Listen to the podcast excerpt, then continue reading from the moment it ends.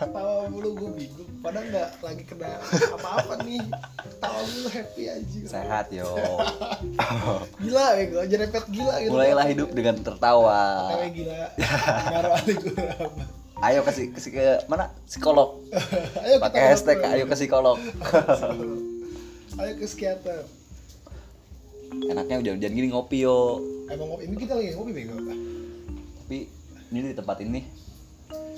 Jadi kan ini lagi masih IP IP kan lama ya. Emang si IP kan lagi di jalan belum nyampe. Iya itu belum nyampe. Aja terus? Si, si IP kan lama nih nunggu si IP belum datang punya rumah. Ini gue lagi di rumah si IP kan.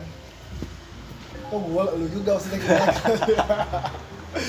kayak berasa sendiri. Gue ini awkward banget sih. Awkward banget. Janjian sama teman Janjian di rumahnya. Tapi dia belum kagak ada. datang kayaknya malah pacaran. Sampai si Kiki tadi gak percaya. Gimana sih di rumah si IP si IP mana? Si IP gak ada. Ih kok mahal sih? Ada gitu kalau misalnya ini kocak banget saya kan gua gitu. Iseng aja ke rumah lu lu gak ada nongkrong aja depan rumah lu gitu ngerokok. Goblok banget gak sih. Diusir orang tuanya untuk orang tuanya Anit baik nih ya. Itu kalau kalau baru masuk kita udah tahu udah kenal iya. dari dulu gitu udah akrab kok ini lu ngapain di rumah gua berisik? Iya udah malam pandemi kita bisa kopi habis rokok habis cabut bisa deh ada ngopi doang gua si IP cuma ngopi doang. Numpang ngopi di rumah orang. lupa wifi nggak jelas. Nih. Apa tuh? eh, rumah si Ipe kan like, apa? Eh, model rumahnya klasik model rumah dulu. Model-model rumah zaman Belanda nggak Belanda juga maksudnya Terus apa rumah, namanya? rumah Jepang? klasik old school. Dari bangunannya gitu. Dari depan juga kayak masih kayak pakai batu-batu gitu di depan rumah ini temboknya kan. Entah kan di belakang rumahnya juga dia ada kayak tempat pemujaan gitu. Buat ya? Kagak lah ngarang gue itu. Lupas ya? Biar terkesan lebih horor aja. Sumpah ini horor tapi nya bercanda loh, Iya. goblok asli, tai banget. ya rumahnya kan jadul nih. Katanya lu bisa ngerasain kan Mana ada? Enggak ya? terus kenapa kalau rumahnya jadul Goblok.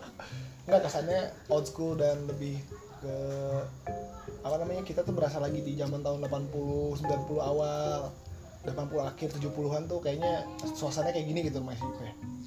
Adem sih, a- sepi, gitu adem ya. gitu kan, sepi adem. Dan- jauh dari hingar-bingar kota ya nggak berisik kan ya, Heeh. enak gitu terus yang, yang selama gue pas nongkrong di sini tuh dari dulu sering banget anak-anak kayak eh, nemuin hal-hal yang ganjil gitu sini. bohong.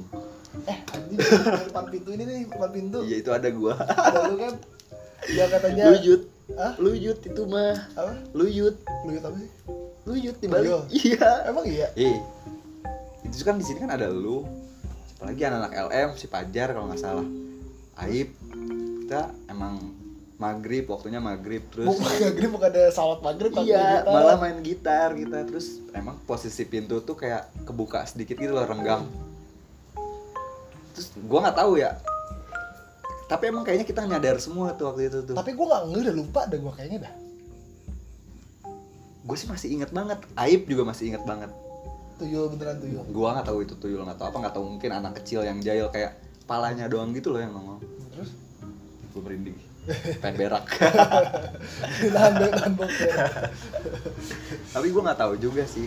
Maksudnya emang pengaruh rumah lama tuh emang kayak hawa-hawa mistisnya emang kayak masih kuat juga ya? Kayak Ya, rumah aura auranya kayak tuh aura aura kasih kayak aura-auran. Aura-aura. kayak rumah gue juga kan old school juga kan dan masih kayak kerasa. Eh, di pinggir rel kereta. Itu bener kan tapi le yang nyokap gue bilang di rumah lu yang ada cewek yang suka uncang-uncang kaki di atas tuh. Iya. Itu beneran? It- gua kan ngeliat itu. Tapi bener nyokap gue ngomong bener ya? Ya kan gak lama gua ngeliat itu kan kayak itu sosoknya gue sebenarnya nggak ngeliat ya bentuknya kayak gimana. Gue cuma ngeliat dia kayak pakai baju putih kayak gamis panjang gitu. Gak tau habis gaji tuh habis gaji rumah lu nongkrong kagak. Rambut gondrong tuh gak tahu tuh posisinya dia cewek apa cowok kan. Cowok kayak si mawang deh itu tapi aneh banget soalnya dia kayak ngambang gitu. Entah dia punya ilmu apa kan. Oh iya langsung apa baca baca dia posisinya ngambang gitu dan gue ngeliat langsung. Gak lama setelah itu gue cerita kan sama lu. Dan lu nyeritain lagi. Eh lu sebenarnya nggak nyeritain ke nyokap lu ya? Nggak nyeritain. Nyokap lu yang tiba-tiba cerita. Ya? gimana sih ceritanya? Nyokap gue tiba-tiba yuk di mana? Dari rumah si bule di mana? Di Gang Ardio.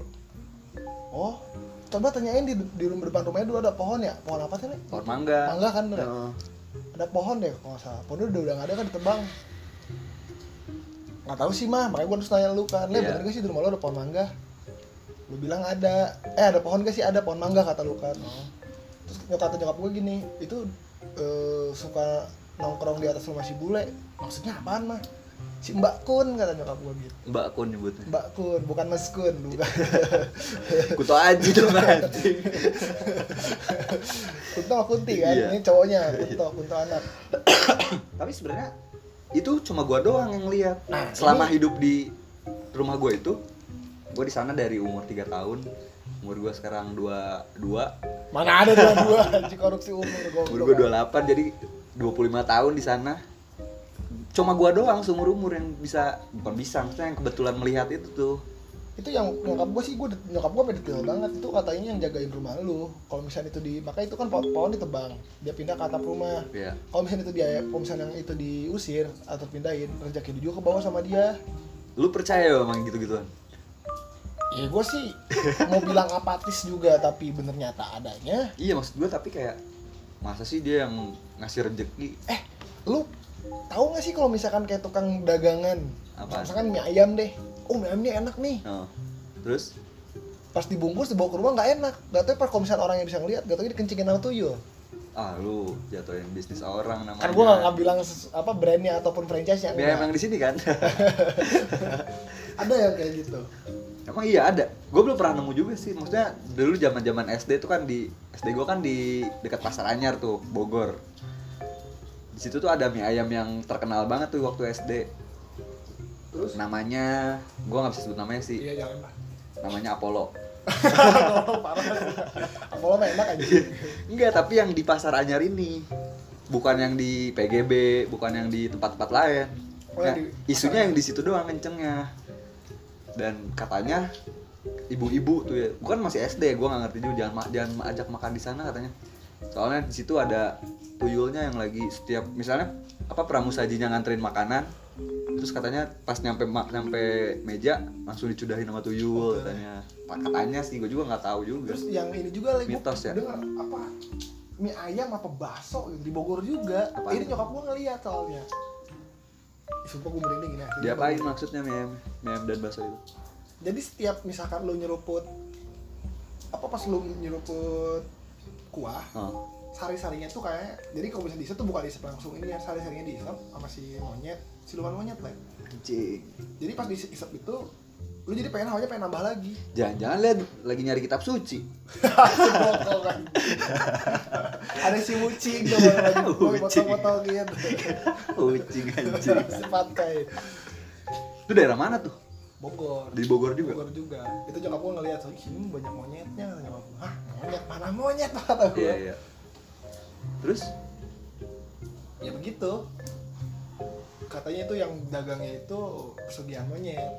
Tapi emang di zaman sekarang masih ada ya pesugihan-pesugihan gitu kayak atau melihara tuyul atau kayak apa dandangnya dikasihin kolor yang yang punyanya. Kan jijik banget kalau kita makan ya. Klinik is real. Yang kayak santet-santet kayak gitu-gitu aja emang nyata. Walaupun gue belum pernah ngeliat langsung. Kayak pelet deh. Gue Iya. pelet tuh sebenernya apatis banget loh. Pelet. Pelet. Atau nggak susuk kayak gitu gitu gue apatis sebenernya tapi lu gua- per- pernah ngelihat kejadian itu emang kayak fungsi gitu? Pelet nah susu. ini. Ada lah beberapa teman gue dari cerita-ceritanya gitu. Eh, di skena gue lah di skena metal. Mereka jujur sendiri sama gue gue masang yuk pelet di? Dia nggak dia gue gue nggak bisa nyebutin. Di Bogor juga. Ada di Bogor ada sana. di Bogor juga. Gue gue bisa gue bisa nyebutin. Dia sendiri dia pengakuan. Baru-baru ini kok.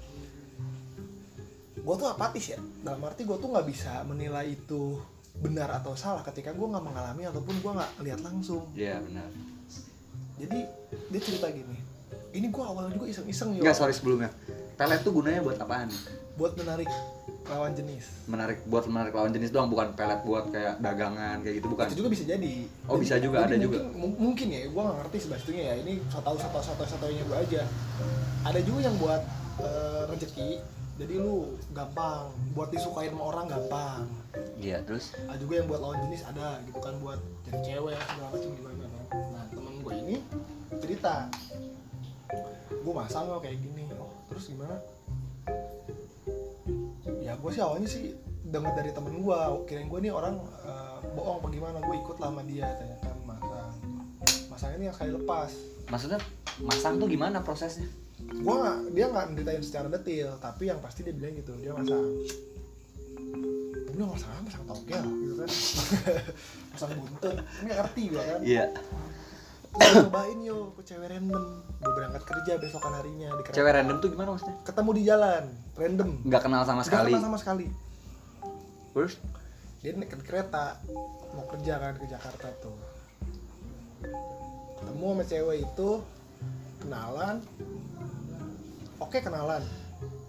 Besoknya lagi dia dari dia tuh mau ngetesnya lagi. Besok hari itu tuh dia kenalan gak minta nomor WA enggak tapi dia janjian di gerbong yang sama jam yang sama. Kebesokan harinya. Ben, tapi besokannya bener bener ketemu. Nyamperin berarti? Papasan dan oh, oh, terus? Hey hey gitu kan. Oh ya lu balik dari mana? Rumah gua di sini rumah gua di sini. Oh gua boleh bagi WA lu gak bisa. Pas di bagian udah dapat WA mereka chattingan jalan.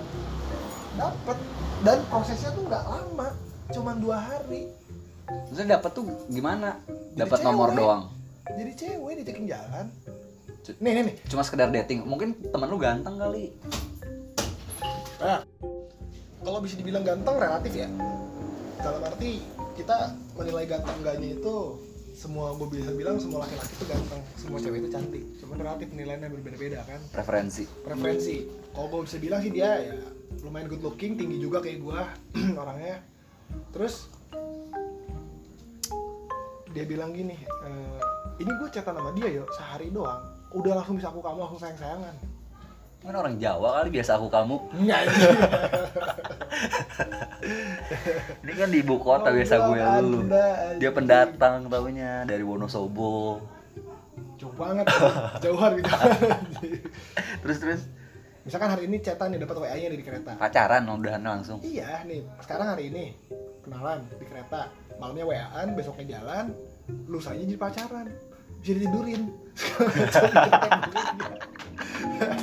goals tuh ya. Goals banget. Apaan goalsnya ngewe. Apalagi? Makanya gue kadang-kadang kalau bisa dibilang apatis apatis gue sama kayak gitu. Tapi dibalik itu tuh, tuh ternyata dari testimoni teman-teman gue it works lu man. nggak bisa nilai satu dari semuanya dong. Mungkin kayak ada yang gagal juga peletnya. Nah ini yang jadi pertanyaan lu bagus. Menarik nih kalau kata Mardigung menarik. Interesting. Interesting. Kalau menurut temen gua dia begitu cuma sekali dua kali bukan cuma sekali dua kali. Udah sering. Maksudnya ngapain? Kenal sama cewek sebentar tidurin. Kayak temen gua siapa? Hanif. Lu? gak usah ketawa lu Nip. Terus? Kayak gitu. Fenomena pelet ini ya pelet dan eh, susuk kayak gitu gitu gue juga ngerti sih maksudnya kalau misalnya maksudnya kalau ngebahas itu klinik di Indonesia tuh banyak banget kayak pawang hujan. Iya, orang mau nikah pakai Orang iya kan, aneh-aneh Pena kan. Katsuki anjing bisa berhentiin hujan. Banyak banyak banget kayak gitu loh Pawang cerita cerita aneh di Indonesia. Tapi gua masih nggak percaya juga maksudnya yo Apa? dengan klinik klinik di Indonesia. Iya gue juga kadang-kadang nggak paham loh maksudnya gini lo suka lihat tayangan-tayangan YouTube gak? apa tayangan itu Ya, lagi ekspedisi ke sini nyari hantu ini mau ngapain dicari? Gitu loh. Gak ada kerjaan kan? Haus akan atensi itu Oh, balik mah. Lagi balik lagi bukan bukan harus akan atensi lah ya. cari duit tuh Ya, duit nggak segitunya kali. Tapi kan emang kenyataannya kayak gitu. Salah berarti lu cara memandang lu mencari uang tuh yo kalau oh kayak gua gitu. sih bukan bukan kok gua? Gua jadi nyeramahin goblok ente. Goblok ente ya maksud gue gitu loh. Kayak lu kayak lu bilang bingung ini gitu kan. Kayak klinik klinik Indonesia tuh gimana sih maksudnya? Ya Iya. udah ada kurang kerjaan aja gitu. Setan Masa- di hutan iya, mas- mau ngapain Iya udah gitu. masa setan bisa dipelihara tuyul gitu. Suruh kerja Oh, nyari duit nyari lu piara apa kambing? Biar gemuk kayak kan gak kata kasino. Kayak pernah denger lah makanya ayo tadi pas ada datang ah balak dong yang di atas gitu. Pinggir dong anjing keselin gila. Fenomena di Indonesia aneh soalnya. Pelet horor tuh kayaknya jadi komoditi yang nomor satu deh. Iya dan sekarang makin kerasa gitu loh. Apanya? Maksudnya akun-akun YouTube juga kayak jurnal Risa terus banyak akun-akun YouTube lain kayak Ewing. Iya Ewing HD padahal Ewing 1040 aja 1080 kayak gitu biar HD 140 itu dia. 144 ya Ewing 144 kerabat banget. gitu ya kerabat banget ngomongnya kayak jalan di bojong kan Astagfirullahaladzim. Bener lagi. Panas ya. Itu banyak duit deh. Facial kayak. Salah sama Darto ini sama aja ya dia juga ya? Kacau kacau. Kayak gitu Ye, kacau kacau. Karena gua gak mau ikutin gara itu bang, gua ngeri, gua takut digeruduk di rumah gua. Tidak tidak. Nih balik lagi di rumah si Hanif ini yang gue bilang. Eh ini nih orang yang orang yang punya rumahnya udah datang nih. Iya. Anjing emang. enggak Nih ada apa tuh di rumah lu yang dulu banyak. rumah rumah dia masih di sini Maksudnya di rumah lu dulu kan anak-anak sering banyak eh, cerita-cerita kayak Wah rumah si Hanif gue ngeliat ini, ngeliat itu wah bener Ngeliat lu ngewe gitu enggak dong Dia kan gue sering dengar kayak si bule dulu yang apa pas buka pintu ada tuyul, yang terus yang di sini yang di taman di batu. oh. Itu kayak gimana? Lemari. Di, di rumah apa? lemari digoyang-goyang iya ini lemari ini Eh ke mana pernah nih? pernah Kapan ya? gue diceritain babe ada babe waktu itu ya ada babe ada ada Dimas juga nggak salah iya ada Dimas ada Dimas Itu dia ngeliat digoyang. maghrib maghrib Maghrib lagi baru aduh digoyang. Kayaknya ada buka pintu cetrak. Eh. oh itu masih ada pintunya dia. ada Oh iya nggak ada sekarang. udah nggak bisa makanya sekarang Apa sih kalau dulu Hidupnya cabul sih. Itu bener nih. bener beres maghrib nggak lama beres aja dah terus eh, yang awal yang tuh si Dimas Pak gempa bukan kata dia gitu. Ah, gue otomatis ngeliat lampu gantung dong. Nggak goyang kok kalau gempa. Lampu gantung goyang air juga goyang dong. Iya. gue liat botol minum air biasa aja. Nah itu lemari kata Dimas gitu. Pas gue liat lah iya goyang goyang kata gua. Emang beneran goyang gitu? goyang goyang. Kedengeran. Gimana sih Goyang. kayak gitu. Gitu.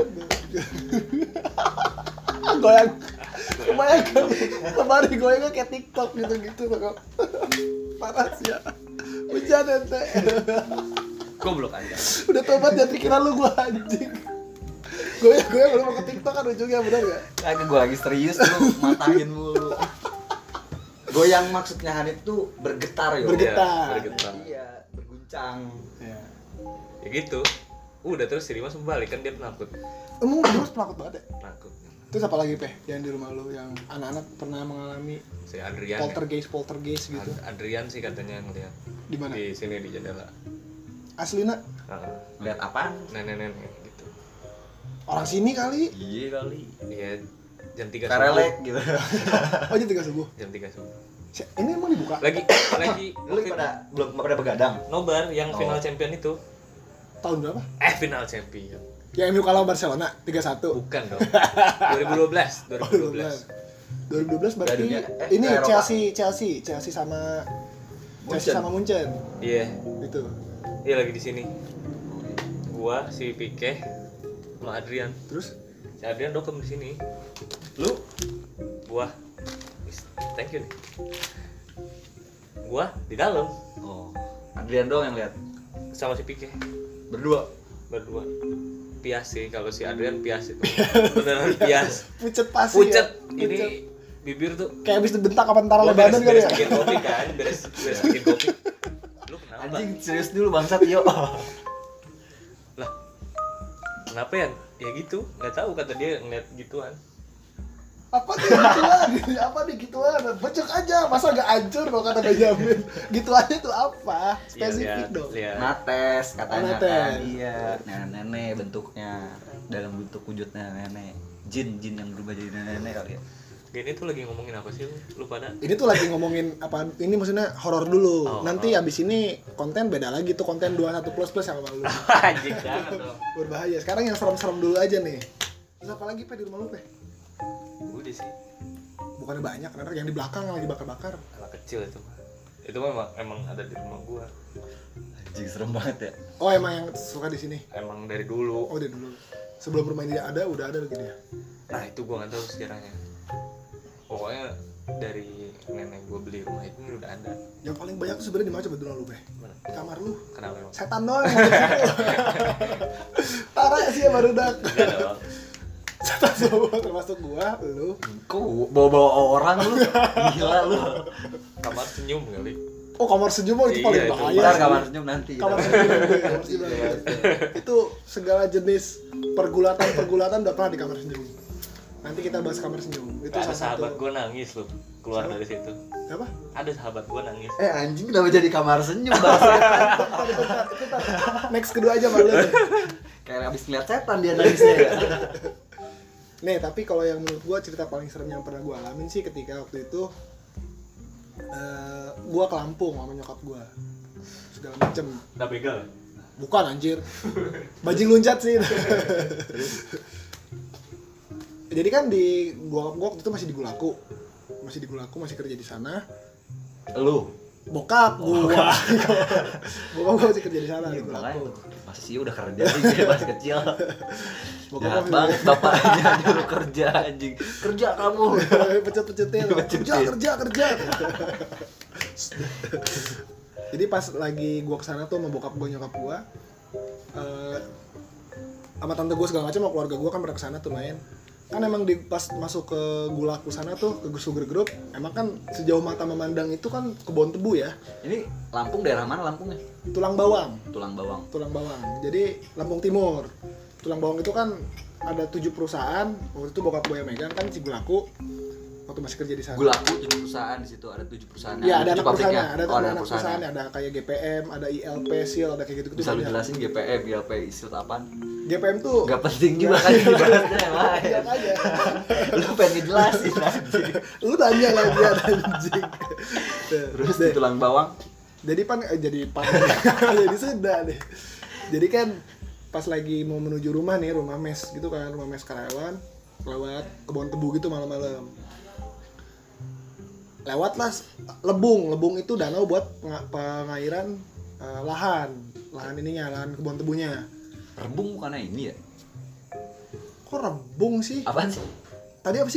rebung lu lebung, lebung, Oh, bukan, lebung. bukan rebung. Gue kira rebung, rebung makan sayur. Iya, ini lebung. Oh, lebung. lebung. itu danau, danau buatan yang buat pengairan ke kebun Iya, iya. gitu kan.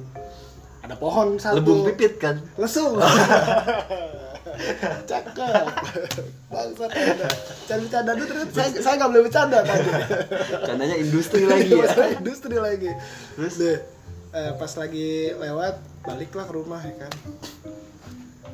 Itu kejadiannya habis mancing le gua sama bokap gua sama nyokap gua sama tante gua itu habis pada mancing lah, habis ngusep lah di sungai gitu kan. Itu datang nyampe rumah tuh sebelum maghrib. Kata nyokap gua gini, nyokap gua udah tahu, cuman nyokap gua nggak tahu lah gitu kan. Terus eh, yang kerja di rumah gua tuh si Suci ada yang dulu kerja di rumah gua bersihin ikan di belakang Ya. kata nyokap gue gini Suci jangan bersihin ikan di luar maghrib di dalam aja nggak apa-apa bu sekalian kata dia Emang Ye. biasanya emang bersihin ikan di luar mulu. di luar tapi itu maghrib waktunya pas banget maghrib maghrib kolot Marco maghrib kolot Iya, iya. Terus maghrib yang tua banget yang gelap banget lah gitu kan oh bentar aja gitu kan nggak lama si Suci teriak Astagfirullah gitu kan teriak lah kenapa Suci? Kenapa? Digrep ya tau juga. sama ikan? Ikan aja di orang. Bangsa belum belum nggak jadi parabola tuh digoyang-goyang le. Bener-bener goyang tuh gubruk-gubruk Parabola kan gede loh. ya itu kan. Harusnya yang bisa goyang itu angin kalau enggak ada beberapa orang yang nah, goyangin. ini goyang gubruk-gubruk gitu. Kan parabolanya di bawah ditancepin itu kan ke Iya. langsung gebruk-gebruk teriak kata kata nyokap gue gini suci. Nah kata ibu juga jangan bersihin ikan di luar maghrib maghrib karena bau amis segala macem. Ini soalnya ada yang ikut dari tadi yang dekat kita lewat lebung katanya. Emang iya bu katanya. Udah kamu masuk aja masuk dalam. Sama nyokap gue ditanya. Maksudnya lu siapa? Gitu. Gue namanya siapa? Gitu gue lupa. Dari Lu ngeliat nyokap lu interaksi sama setan itu. bakar rokok. Terus? Kasih kopi hitam bakar rokok nyokap gue ngomong kayak depan-depanan gini. Lu ngeliat langsung itu. ngelihat kamu siapa? kata nyokap gue oh iya iya. Kayak orang alik tapi yang kayak orang sendiri. kayak orang kali beneran. Oh gitu iya. Oh iya. Udah berapa lama kamu? 23 tahun gitu gitu ngomong kan. Terus yang gue tanya kan emang kenapa mah dia dia jadi dia dulu pekerja di Gulaku juga. Dulu dia tuh punya pacar supir truk.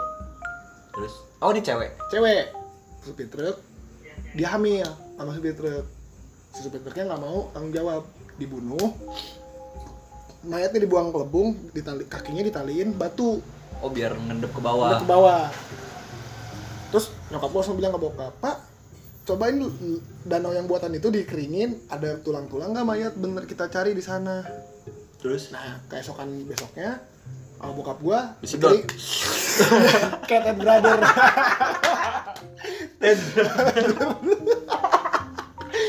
pendek banyak banget kan bibirnya Bangsa tuh bapak gua Ted Brother dong. Gue yang si jagung lah ya. Yang nangis ya gitu-gitu kan. Anjing. Bangsa tuh ya, gue lagi gitu serius-serius saya bercandain Air danau disedotin Ted Brother Terus Terus Pas danaunya di keringkan. dikeringkan udah gitu benar ternyata di dalam danau itu ada mayat. Ada ada bukan mayat ada tulang tulang masih pakai baju. Terus kakinya tulang tulang pakai baju gimana? masih pakai baju tulangnya. Oh. Kan soalnya habis dibunuh terus dibuang. Hmm. pas pakai Ah, baju. udah habis sama ikan juga kali ya? Udah tulang banget udah 23 tahun bayangin aja loh. Diangkat terus sama nyokap gue ditanya lagi kan yang bunuh kamu siapa aja? Dia sama temennya berdua jadi bertiga. Terus gimana gimana, sisanya? dia bunuh, dibunuh ngebunuh si, cewek ini dibunuh. Sama sama pacarnya pacarnya sama temennya berdua jadi Oh, bertiga. iya. Pas dibunuh katanya terus kamu orang sekarang orangnya kayak gimana? Saya udah balas dendam ke dua orang. Maksudnya balas dendam apa? masa setan balas dendam? Ini le yang gua bingung juga. Jadi kayak misalkan lagi lagi dia bawa truk apa gimana tiba-tiba muncul tengah jalan. Ada yang teriak. Bukan teriak. Apaan? Beneran dia kan kaget. Wah tiba-tiba dua orang. Banting setir jatuh tabrakan. Kayak Oh. gitu-gitu pokoknya tinggal sisa, sisa satu ini yang cowoknya. Yang si pacarnya. Pacarnya belum belum sempat tuh dia mau ini karena nyari dia dia ke mana-mana juga nyari belum ketemu. Kayaknya sih mungkin pindah pulau apa gimana gua nggak ngerti ya. Yang setan nggak bisa nyebrang pulau lain? Gue kurang tahu deh sebelah situ gue karena gue bukan setan. Gue belum tahu nih hukum per dunia setanan kayak gimana Iya, nih. mungkin kalau misalnya dia dari Lampung ke Pulau Jawa kalau di dalam dunia gaib ada posko gitu. Eh reka mana ente oh ketahan. Surat-surat setannya mana gitu kan? Iya. nah, ketan gue nggak ada yang tahu. Udah vaksin belum? Coba direpit dulu. Lewat bool baru kan. Nah, udah tuh. Terus abis gitu ditanyain kak dia cuma bilang gini ibu saya cuma pengen pulang. Cuman saya nggak tahu jalan pulangnya ke mana, ke mana gitu kan kata dia. Ya menyokap gue dikasih duit ya low cost itu. Saya pesenin grab kan gitu. enggak lah goblok jalur bintang limanya kakak.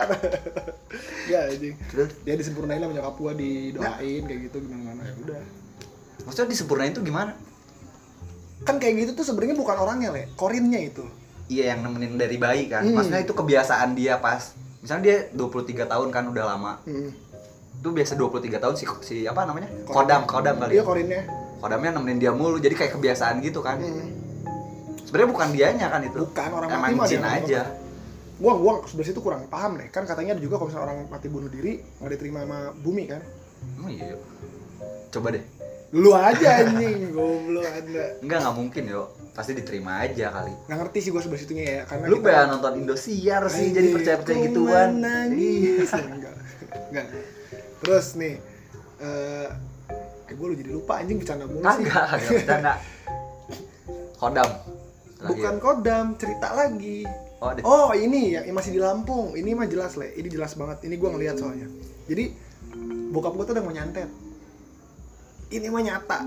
Gua lagi main PS soalnya depan TV waktu itu gua inget banget lagi main Kingdom Hearts. Lagi main gamenya. Pagi-pagi jam 9 tiba-tiba nih apa namanya parah ya? Apa sih Iya. namanya? Apa sih Pe? ini Pe, namanya Pe? atas rumah ini langit-langit. Langit-langit tuh meledak le bolong. Dar! Listrik langsung mati. Nyokap langsung astagfirullahaladzim. Langsung nyokap langsung bilang apa? Assalamualaikum abah. Kemasukan kakek gue terus itu dari mata cara ngomong langsung beda. Langsung ngomong bahasa Sunda gitu kan. Hmm. iya saha nu arek. Eh, pokoknya yang gue seingat gue bahasa Sundanya kasar cuman gue gak pernah denger tapi bahasa Sunda, bahasa Sunda kasar tapi yang masih Sunda banget nggak kayak ya, gue gak ngerti. Ya nggak kayak kita Sunda Bogor lah gitu. Iya Sunda Bogor kas- agak-agak kasar gitu Hmm. kan pokoknya intinya gini nih kayak kayak gini ngomongnya. Saha tah nu arek eh, jahat ke anak incu aing? Siapa yang mau jahat ke Hmm. anak cucu gua? Nah ku aing ditiran huluna hiji-hiji yeuh sebutkeun ngaran aing kata dia gitu kan. Katanya bener, itu tuh ada yang mau nyantet bapak gua. Soalnya tiba-tiba langit-langit rumah ini meledak. Jadi emang ter- ternyata pas setelah, setelah, setelah diselidiki, anak buah bokap gua yang emang sirik pengen di posisi bokap gua. Coba nyantet. Dukunnya aja, Le. Ini yang lucu mah sumpah. Ini mah asli. Dukunnya aja komunikasi sama nyokap gua, Le. maksudnya dukun siapanya dukun, Dukun yang yang nyantet nyantet bapak gua. terus besokannya ke rumah itu ke rumah yang di rumah dinas ke rumah bokap gua padahal jadi kan itu kejadian di, di tulang bawang ya tulang Iya. bawang kan jauh tulang bawang jauh dukun ini orang Tegineneng nggak salah. Lampung juga cuman Lampungnya Lampung jauh lah. Pokoknya dari dari Tegineneng ke tempat bokap gue ini sekitar 5 apa 6 apa 8 jam gitu. Jauh lah pokoknya. Pokoknya jauh. Jadi sama nyokap gue diginiin eh, nyaho iya saha aja mana iya bilang pas kieu kieu kieu kieu iya mah iya mah yang nyoba mau nyantet si bapak juga orangnya ini ini ini ini ini ini. Eh bener. Jadi emang tangan kanan bokap gua di kantor. Terus? Apa orang militer juga dia tuh emang sirik kalau bokap gua pengen di posisi bokap gua waktu itu. Kagak dukunnya nyamperin nyamperin nyokap lu? Nyamperin nyokap gua ke rumah. Ke rumah mes itu? Mm-mm. terus pas ngapain? dia ngomongnya gini. Minta maaf? Saya bener-bener ampun sama Bude katanya. Karena ketika saya gagal seperti ini Bude langsung muncul di depan saya. Maksudnya apa? Tiba-tiba muncul di depan dia gitu. Nyokap gua ada karena dekat Iya. gua ngeliat ada. Nyirim jinnya kali ya siapa? Nyokap lu. Kayak gitu nggak pakai izin lah nyokap gua emang mau terus kok bisa tiba-tiba muncul dari gua. jarak yang jauh 6 jam gitu? Nggak Gimana? ngerti. Kan nyokap gua kayak gitu nggak belajar le nyokap gua mah nyokap gua mah nggak ngelmu emang datang sendiri kayak gitu mah dari mbah gua. Bentar, ini GTA San Andreas lagi sholat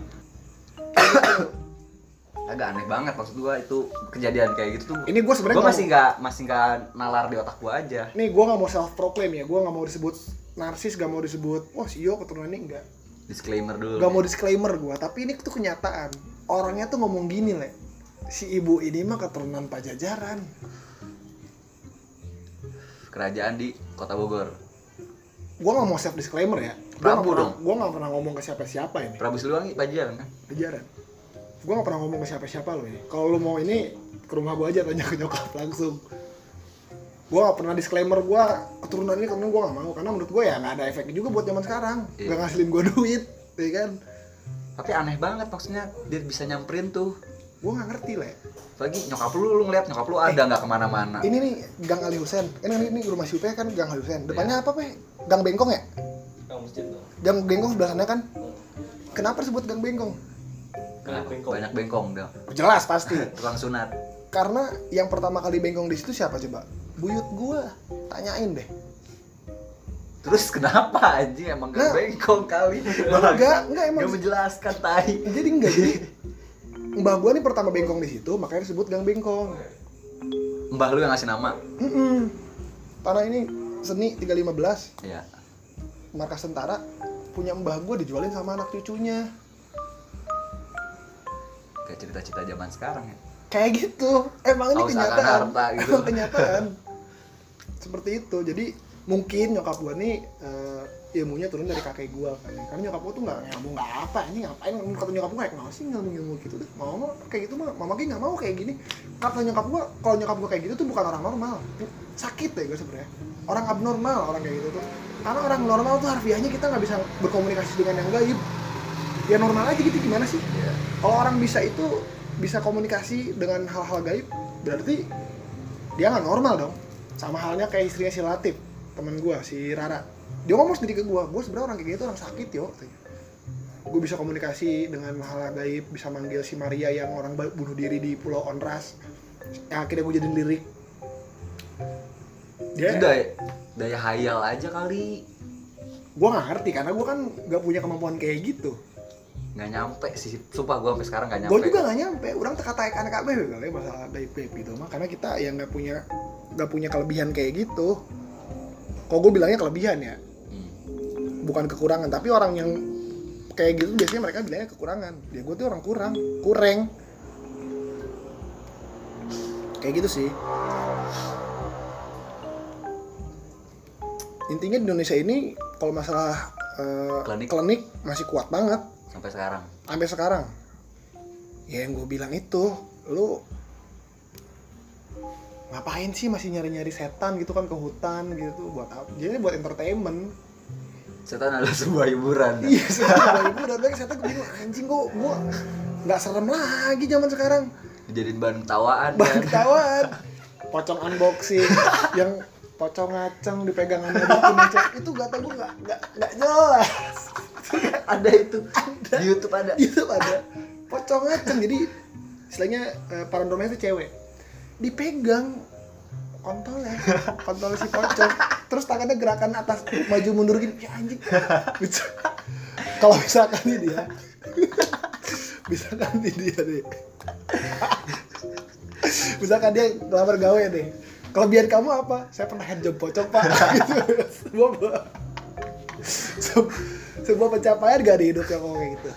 Nggak penting kan? Nah kalau misalnya bedanya sama orang luar negeri nih ketika mereka eh, meneliti tentang hal-hal yang gaib mereka lebih ke alien. bukan alien lebih ke nyari sisi keilmuannya gitu loh. Ini bisa dijawab sama sains gak gitu? Nah kalau kita kan udah langsung wah ini mah pasti gaib nih gitu. soalnya gue pernah baca di suatu artikel gue di internet pernah baca ternyata yang eh, dukun-dukun yang muncul di TV itu juga sebenarnya nggak semuanya beneran dukun ada yang cuma action doang. Gimmick. Gimmick. Gue pernah baca di artikel siapa ya? Pernah baca gue di internet. Jadi tim kreatifnya salah satu acara eh, uji nyali waktu itu. Katanya gini kata si penulisnya. Saya juga eh, melihat saya juga boleh bisa mengakui bahwa dukun-dukun yang kita panggil semuanya tidak tidak semuanya punya ilmu ataupun punya ilmu cuman baru cetek. Sok-sokan aja jadi ketika ada yang benar-benar kesurupan dia nggak bisa ngapa-ngapain. Ada gitu. Setan menjadi sebuah entertainment. Udah kali ya? Hah? udah kali ya? Tutup aja kali ya? Udah setan-setan ada. Indonesia klinik cukup lah udah gak jebi